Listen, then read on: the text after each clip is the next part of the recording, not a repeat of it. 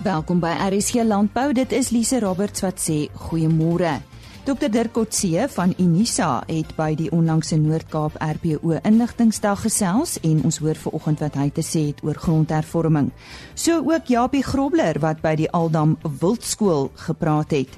Dr Fafa Malan praat oor bruselose en in weerwaarhede Klimaatslim wenke is hulle onderwerp van bespreking. Dan kuier ons ook by CMW en die bestuurder van Vesel gesels oor sy werk. Landbou nuus, volgens 'n verslag deur Absa oor landboutendense, het die plaaslike mieliemark onlangs hoër verhandel. Wit mieliepryse het met 4,5% verhoog, terwyl geel mieliepryse met 5,2% gestyg het. Die verslag noem dat sonneblomsaadpryse ook die afgelope 2 weke effens gestyg het tot R4747 per ton, terwyl sojaboonpryse met 2% gedaal het om nou teen R4729 per ton te verhandel. Ons gaan kuier eerstens by 'n CMW en ons medewerker in die Oos-Kaap Karen Venter het tydens haar besoek aan CMW met Heinrich Victor gesels. Uh my posisie by OVK CMW is bestuurder operasioneel in vesel en plus skeerdiens. So ek is verantwoordelik vir alle operasionele aangeleenthede en vesel in uh by CMW onder in Port Elizabeth. Ek is gebaseer hier uh by ons kantore in Port Elizabeth. Goed, ek is werksaam of in diens van OVK sedert uh November 2017, so dis maar nog 'n kort rukkie. So my op hierdie stadium 'n groot uitdaging waarna ek uh baie uitsien en dit is wat vir my uh altyd nogal ehm uh, Engelse woorde gebruik, so lekker woord wat sê trigger. So 'n uitdaging te te te te, te neem en uh En op hierdie stadium is dit vir my 'n lekker uitdaging. En ek sê baie keer ek het nou die sirkel voltooi want ek is opgelei in skaap en wol. En ek was 'n skaap en wol beampte en 20 jaar gelede is ek uh weg uit die bedryf uit. Ek was by BKB daai tyd. Skaap en wol beampte in die Wes-Kaap. En toe is ek in die uh dieregesondheidbedryf. Toe ek na die dieregesondheid industrie toe waar ek vir 10 jaar plus minus vir uh Webek uh 'n tegniese verkoopsadviseur was. En daarna is ek dan daarna was ek vir 'n klein rukkie by uh, die gesondheidsmaatskappy met die naam van Norbroek uh, as streeksbestuurder en toe het ek die betrekking aanvaar by Beyer Diere Gesondheid as 'n uh, agent verkoopsagent maar in daai hele tyd was ek gebaseer in Oudtshoorn in die Suid-Kaap en na 'n jaar by Beyer in 2010 is uh ek die pos aanvaar as 'n uh, um produkbestuurder by by Bayer en ek was vir 3 jaar in Johannesburg waar my familie nog steeds in Oudtshoorn gebly het. So ek het maar gependel vir 3 jaar. En in Februarie 2013 uh het ek die pos aanvaar as uh streeksbestuurder streeksverkoopsbestuurder van Bayer vir die hele westelike streek van Suid-Afrika as ook Namibië. So uh, en dit het ek gedoen tot en met uh einde Oktober 2017 waar ek toe die pos aanvaar het by OVK. Dit het net vir my gelyk na baie groot uitdaging in ek glo as mense verskil kan maak, dan gaan jy en maak jy 'n skuif. Andersins is dit nie nodig om 'n skuif te maak nie. Jy weet so uh ek het ook gesê in as ek nie 'n verskil kan maak nie of waarde kan toevoeg nie, dan dan hoort ek nie nie. So ons hoop uh om te kan waarde toevoeg uh waar ek nou is. En ek moet sê ons is 'n ongelooflike lekker span wat hier saam aan die water trek en ek glo ons gaan van krag tot krag gaan. Ek het, ek het, ek sien baie uit na die na die uitdaging wat voor lê by OVK. Weet jy, ons wil 'n verskil probeer maak by by OVK en dan nou meer spesifiek CMW in die wolbedryf. Nou die diens wat ek graag aan ons produsente wil lewer is tot maksimum voordeel van hulle om vir hulle te laat besef dat ons daadwerklike poging aanwend om die beste te doen vir hulle produk en hulle produk aan ons te kan toevertrou. Want ons het 'n span mense hier wat wat regtig baie bekwam is. Uh van die operasies agter in die stoor tot en met die bemarking van ons wol, tot die tepering van ons wol en en dit is alles wat ons koördineer. As ook ons skeerdiens wat ons landwyd uh uh het en 'n diens wil lewer vir die boere. Ons besef dat daar van tyd tot tyd uitdagings kom en dat daar miskien ek wil nie die woord probleempie gebruik nie, ek sê eerder uitdaging. Want 'n uitdaging is iets wat mense voor kan sien en ek wil boere uitnooi, uh ons produsente daar buite. As jy enigstens twyfel oor die die die waarde wat OVK of CMW vir jou kan toevoeg, asseblief tel die telefoon op en en kontak my gerus. Uh dit is waarvoor ons daar is om ware te kan toevoeg tot jou produk en dan meer spesifiek waarvoor ek verantwoordelik is vesel, die wolbedryf. Ehm um, as ook ons keerdiens. So uh, ons wil ek verseker uh aan elke produsent wil ek verseker dat ons ons uiterste bes gaan doen uh om vir jou die absolute maksimum voordeel te kan gee en waarde te kan toevoeg tot jou produk want sonder jou produk kan 'n organisasie soos ons nie voortbestaan nie. En ek glo ook uh, met die kundigheid wat ons tot ons beskikking het, die ondervinding wat ons het, uh, is ons definitief in staat om dit wel te kan doen.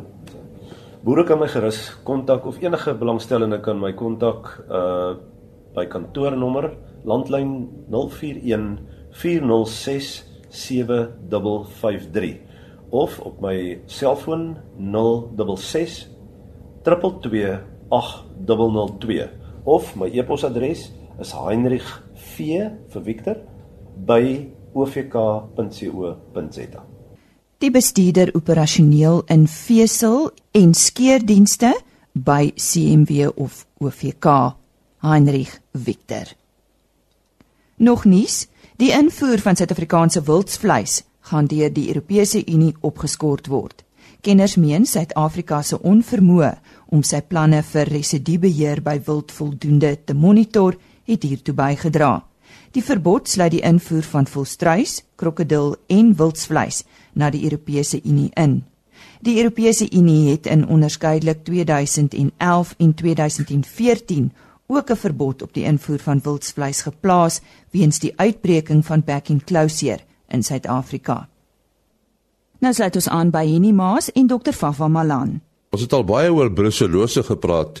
Uh, brucellose is uh, is maar 'n probleem, nê. Nee. Uh, wat is die belangrikste om te onthou as 'n mens aan brucellose dink?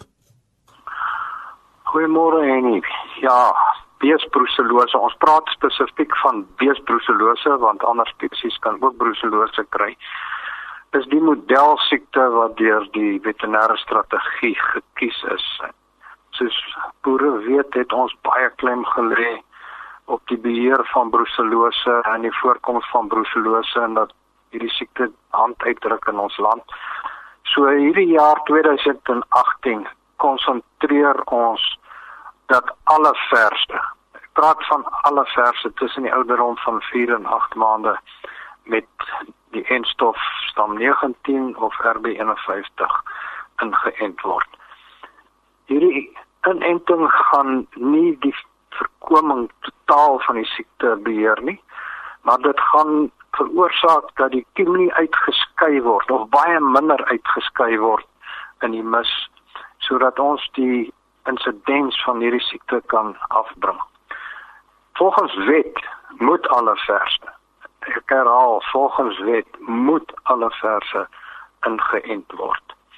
Nou daar is ook kampanjes, ek weet deur Noordwes en deur Noord-Kaap waar die staat definitief deel is om te help met hierdie inenting. So boere kry die instof en maak seker dat die verse ingeënt word. Dit is eintlik belangrik dat daar ook aantekening gemaak word en miskien die botteltjies gehou word sodat 'n mens bewys kan lewer dat jou diere wel ingeënt is. Praat met jou veearts en laat hy jou help. Die vers is natuurlik die Trojaanse perd want 'n vers wat positief is, toets eers positief nadat hy gekalf het en dan selfs diere wat gerapporteer is oor see wat na 9 jaar of selfs langer eers positief getoets het. So as verse ingekoop word, hou hulle apart totdat hulle gekalf het. En dan kan 'n mens hulle eers weer toets om seker te maak dat hulle negatief is.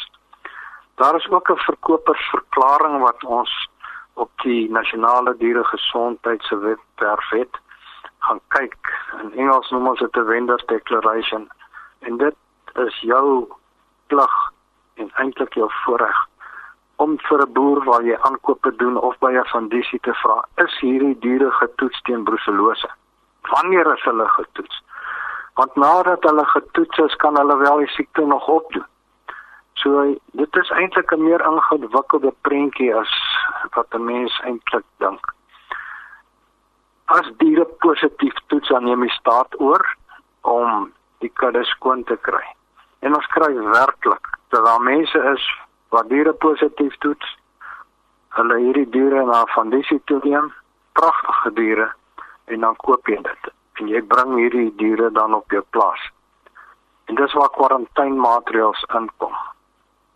As ek so diere inkoop, dan sou hulle nog kwarantyne en weer laat toets om seker te maak.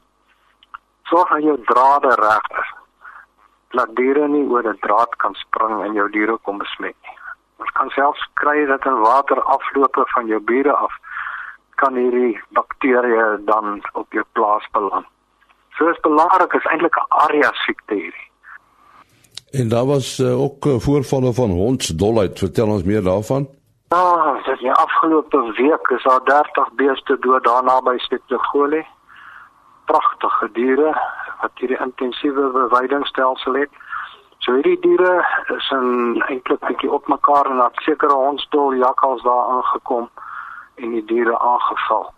So wees bewus dat hondsdol uit ons weet daar in Natal is geweldige uitbreke ook van jakkalse en van honde en selfs mense wat die siekte opgedoen het. So wees maar altyd bewus van hierdie siekte.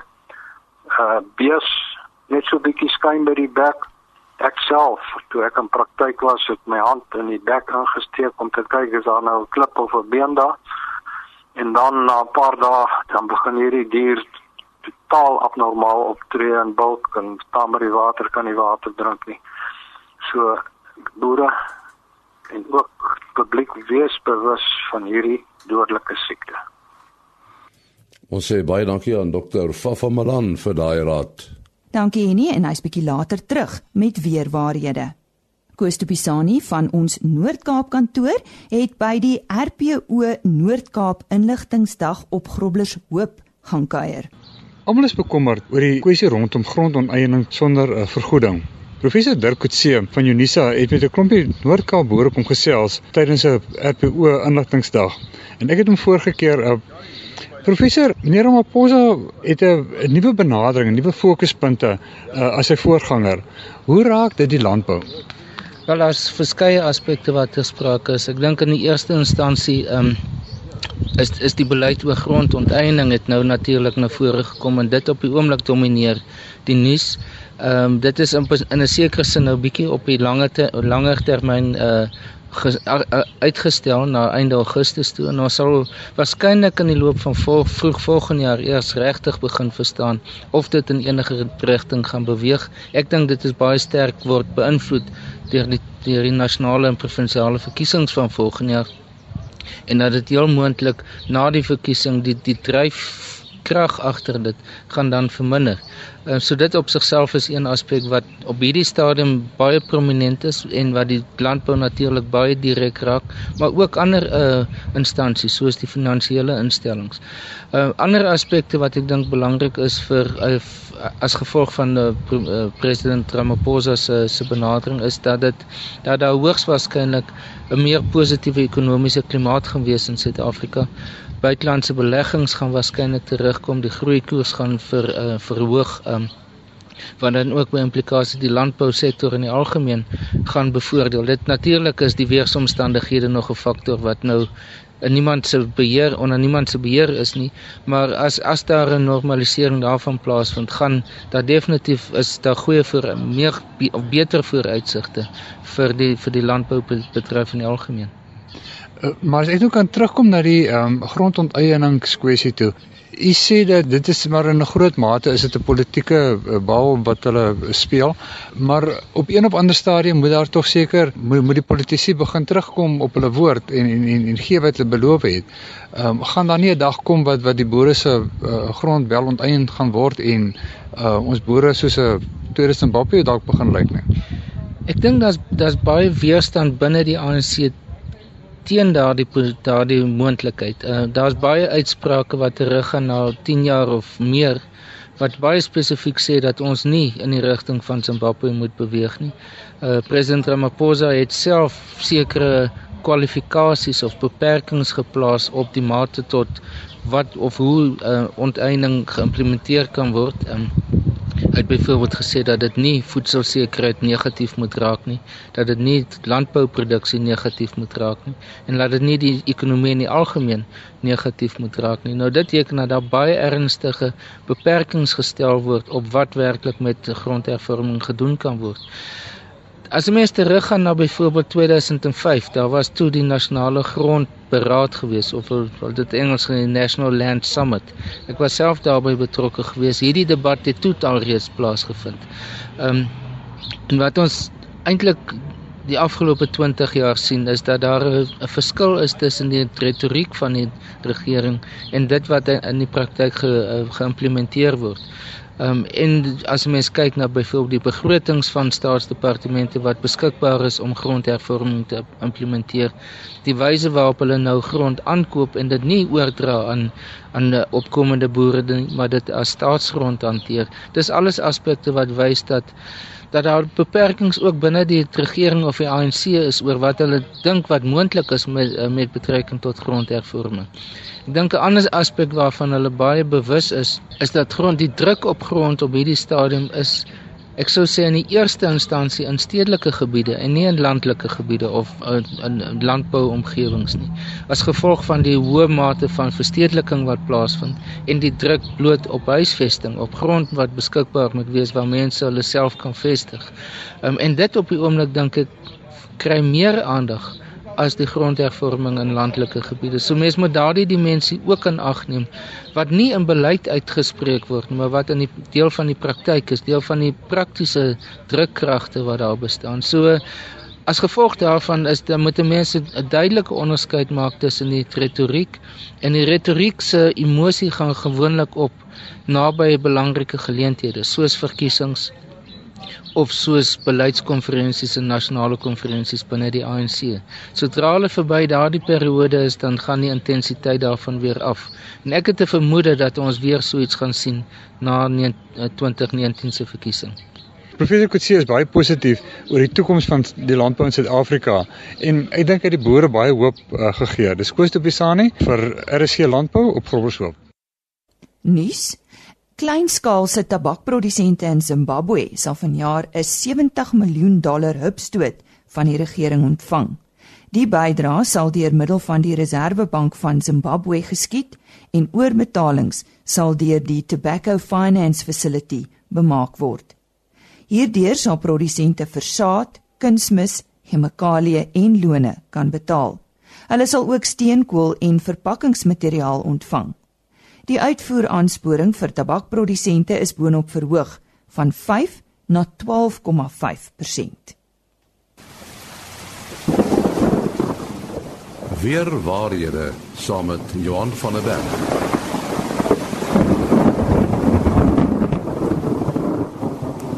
Ons uh, gesels nou met uh, Johan van der Berg van Santam Landbou weer waarhede.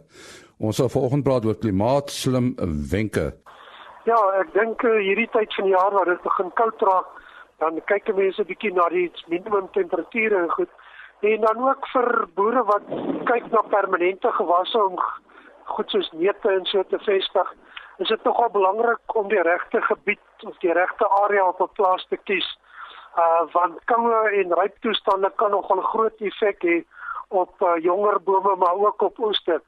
So as tydens die beplanning moet daar gekyk word na die beste gebiede op 'n plaas en daar is mikro of bietjie groter makro wat meer makrogebiede wat verskil van mekaar dat die gewas moet pas by die omgewing. So een van die goed van advexieryp of dit wat tydens koue nagte of stil nagte voorkom, uh is dat ons sogenaamde ryp holtes kry. So die uh, temperatuur of die die koue lug uh is soos water, dis swaarder uh, en vloei dieselfde patroon as water, so dit is nader die oppervlakte. En dit kan nogal 'n verskil van tot 6 7 grade Celsius maak uh tussen uh op die op die dieselfde land byvoorbeeld, maar waar die een gedeelte hoër of laer is as die ander een. So vir rypsensitiewe gewasse is die noordelike helling die beste. Die noord na westelike helling moet asseblief nie teen die suidelike hellings plant af vir rypsensitiewe gewasse waar ryp 'n probleem is nie.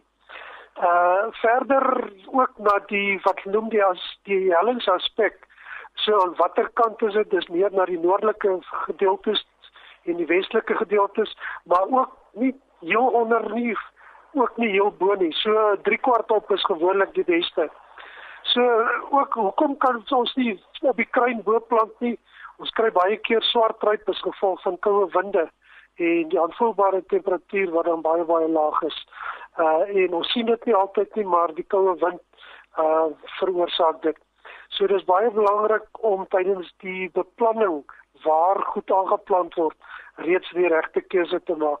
En dan is daar byvoorbeeld nog goed soos die grondkleur wat ryp uh, kan beïnvloed. Uh donkerder kleure absorbeer meer hitte en kan meer hitte in die nag vrystel terwyl ligte gronde of ligte sandgronde weer uh, baie min hitte absorbeer en ryp kom baie gouer daarvoor. 'n uh, ander aspek is bewerking uh, vaste grond veroorsaak ook minder ryp of minder skade as losbewerkte grond of grond met onkruid. So daar kan heel wat gedoen word om reeds by beplanningsstadium of met die bestuur van die uh, tydens die bestuur redelike verskil te maak in die risiko vir ryp. Daar's 'n interessante wenke daarvan Johan van der Berg van Santam Landbou in die rubriek weerwaarhede. Die eerste Aldam Wildskool is onlangs aangebied en Henny Maas het ook vroeër in die maand met Dr Michael Bradfield hieroor gesels. Ons medewerker Isak Hofmeyer het hierdie geleentheid bygewoon en daar met een van die hoofsprekers, Japie Grobler gesels. Japie Grobler, jy was die eerste spreker hier by die Wildskool by Aldam vandag. En ehm um, jy het 'n baie spesifieke boodskap aan die boere gehad rondom grondhervorming. Uh, geef my die kern van jou boodskap asseblief. Die kern is deelname. Vir te lank het ons uh geredeneer dat uh, deur stil te bly sal die probleem wegraak. Of ons het die wat besig is om namens ons en en ek ek wil die term onderhandel baie versigtig gebruik, maar om namens ons ons ons boere moet tog mense wat namens ons met die staat onderhandel en debat voer en en seker maak ons skei die beste uh uit hierdie uh, netelige situasie uit. Vir te lank het ons daardie mense kwaliek geneem en gesê maar hulle onderhandel oor ons grond. Die tyd is nou daar vir almal om deel te neem, vir almal om sy kant te bring en te wys dat uh, dit wat ons sê, wat ons sê oor eintlik oor 'n lang tydperk sê ons dat meer grond moes al geskuif het. En dan blameer ons van Quinty tot ander kant uit die regering al die swak besluite, al die swak implementering, die hele feit dat daar nie eienoomsreg oorgedra is aan hierdie nuwe begunstigdes nie en dat hulle eintlik nie kollateraal het nie, dat hulle nie daarteen kan leen nie. Wat wat wat van van die staanspoor af beteken hulle hulle gaan faal, hulle kan nie boere wees nie. Maar dis alles goed en wel en dis als die waarheid. Ons het voor 'n dringende uitdaging wat ons in die volgende 5 maksimum 10 jaar, ek glo 5 jaar. Antwoorde op moet hê, nie net antwoorde nie, oplossings op moet hê. Hier sal meer grond moet skuif terwyl dit daarvan om eienoomsreg te beskerm binne ons grondwet of as daar moet veranderinge oor kom, die huidige grondwet is genoegsaam daarvoor. As ons net die wil het om almal deel te neem en sy kant te bring om grond te laat skuif na mense van kleur toe En luister weer mooi, ek sê baie versigtig. Ek sê daar moet reëls en regulasies wees. Dit moet byvoorbeeld in eerste instansie na ons plaaswerkers te wees. Dit moet wees na nie politici toe. Dit moet wees teen die agtergrond van daardie mense moet eienoomsreg kry. Dit moet wees teen die agtergrond van hy moenie weer daai grond soos wat ons huidige geleer het sommer binne die eerste 2 of 3 jaar kan verkoop net om geld te kry nie. Hy moet ten minste 10 jaar met daai grond kan boer en as hy geboer het dan kan hy kan hy verkoop. So daar's 'n klomp reëls en almal sou moet deelneem. Ek het ook onder andere op die tafel gesit om te sê dat ons kan nie net van die boere verwag om deel te neem in hierdie proses nie. Dis in werklik kom dit neer op 'n belasting.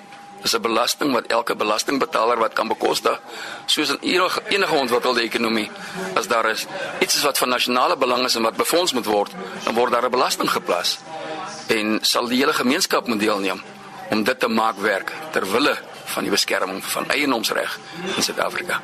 Ons kom altyd terug na na daai vraag as individu hier sit ek nou, wat kan ek doen? Het jy het jy daarop 'n antwoord? Uh, elkeen van ons kan iets doen. Nog nommer 1 deur deel te neem, positiewe gesindheid te kry, te begin kweek deur uh die wat namens ons, ek gebruik weer die term onderhandel te bemagtig vir wat sê wat is ons gedagtes, wat kan ons elkeen doen? Jy is individu kan die belasting help betaal. Jy is individu as jy 'n groot grondeienaar is en jy kan grond beskikbaar stel uh teen nie opgeblaaste pryse nie want ek dink dis baie groot probleem wat in die verlede daar was. Ons wil mark markwaarde beskerm, maar die gronde wat verhandel het, het almal ver bo markwaarde verhandel. Dis 'n fout, dis 'n dis 'n totale fout. Ons moet dit erken. Ons moet grond laat verhandel in hierdie stadium eerder teen 'n uh, diskonto uh, onder markwaarde om ons markwaarde te kan bly beskerm sodat daar wel genoeg grond in die mark is en dit verhandel en dit bekostigbaar is vir die nuwe koper om op te neem. Jy kan deelneem as individu deur finansiering beskikbaar te maak. Jy kan deelneem as individu deur uh, deel te wees van daardie korps wat as daar 'n belasting sou geplaas word wat vrywillig en dankbaar is om te sê ons plaas 'n belasting en ek betaal daardie belasting maar teen die agtergrond van dit is wettig dit word korrek gepolisieer die regte reëls en regulasies is daar. Die regte rolspelers byvoorbeeld die georganiseerde landbou ekbus die land uh, die die banksektor die landbank almal is betrokke nie net politici om hier oor te besluit en dit uh, te implementeer nie. Die ou wat nou na hierdie onderhoud luister en warm onder die oortjie daar? Watter watter boodskap het jy vir daai ou? Daai ou wat regtig nie nie wil hoor wat jy nou sê nie. My boodskap aan hom is baie eenvoudig. Kom oor dit en kom baie gou oor dit. Want hierdie is nie iets wat gaan wegraak nie. Hierdie is nie 'n ander man se probleem nie. Hierdie is jou probleem, trouens baie erger as wat dit myne is. Kom ons neem almal deel. Kom ons verander ons gesindheid en ons kom by oplossings. Uh die probleme ken ons. Isak Hofmeyer wat daar gesels het met Japie Grobler en hy's natuurlik van die Agri Securitas Trust Fonds en ook voorheen verbonde aan Agri Suid-Afrika. Net vir ons groet indien jy gewonder het wat met ons vleispryse gebeur het, dit word natuurlik elke donderdag uitgesaai. As gevolg van die vakansiedag gister kon die verslag ons nie betyds bereik nie. Maar Chris Jackson sal volgende week weer terug wees. daarmee groet ons dan tot maandagooggend. Onthou, ons uh, tyd saam met u vir hierdie week is verby. Chris Verloon is môreoggend om kwart voor 5 voor die mikrofoon. Sterkte met die res van die week en eh, mag u naweek soos altyd rustig wees. Totsiens.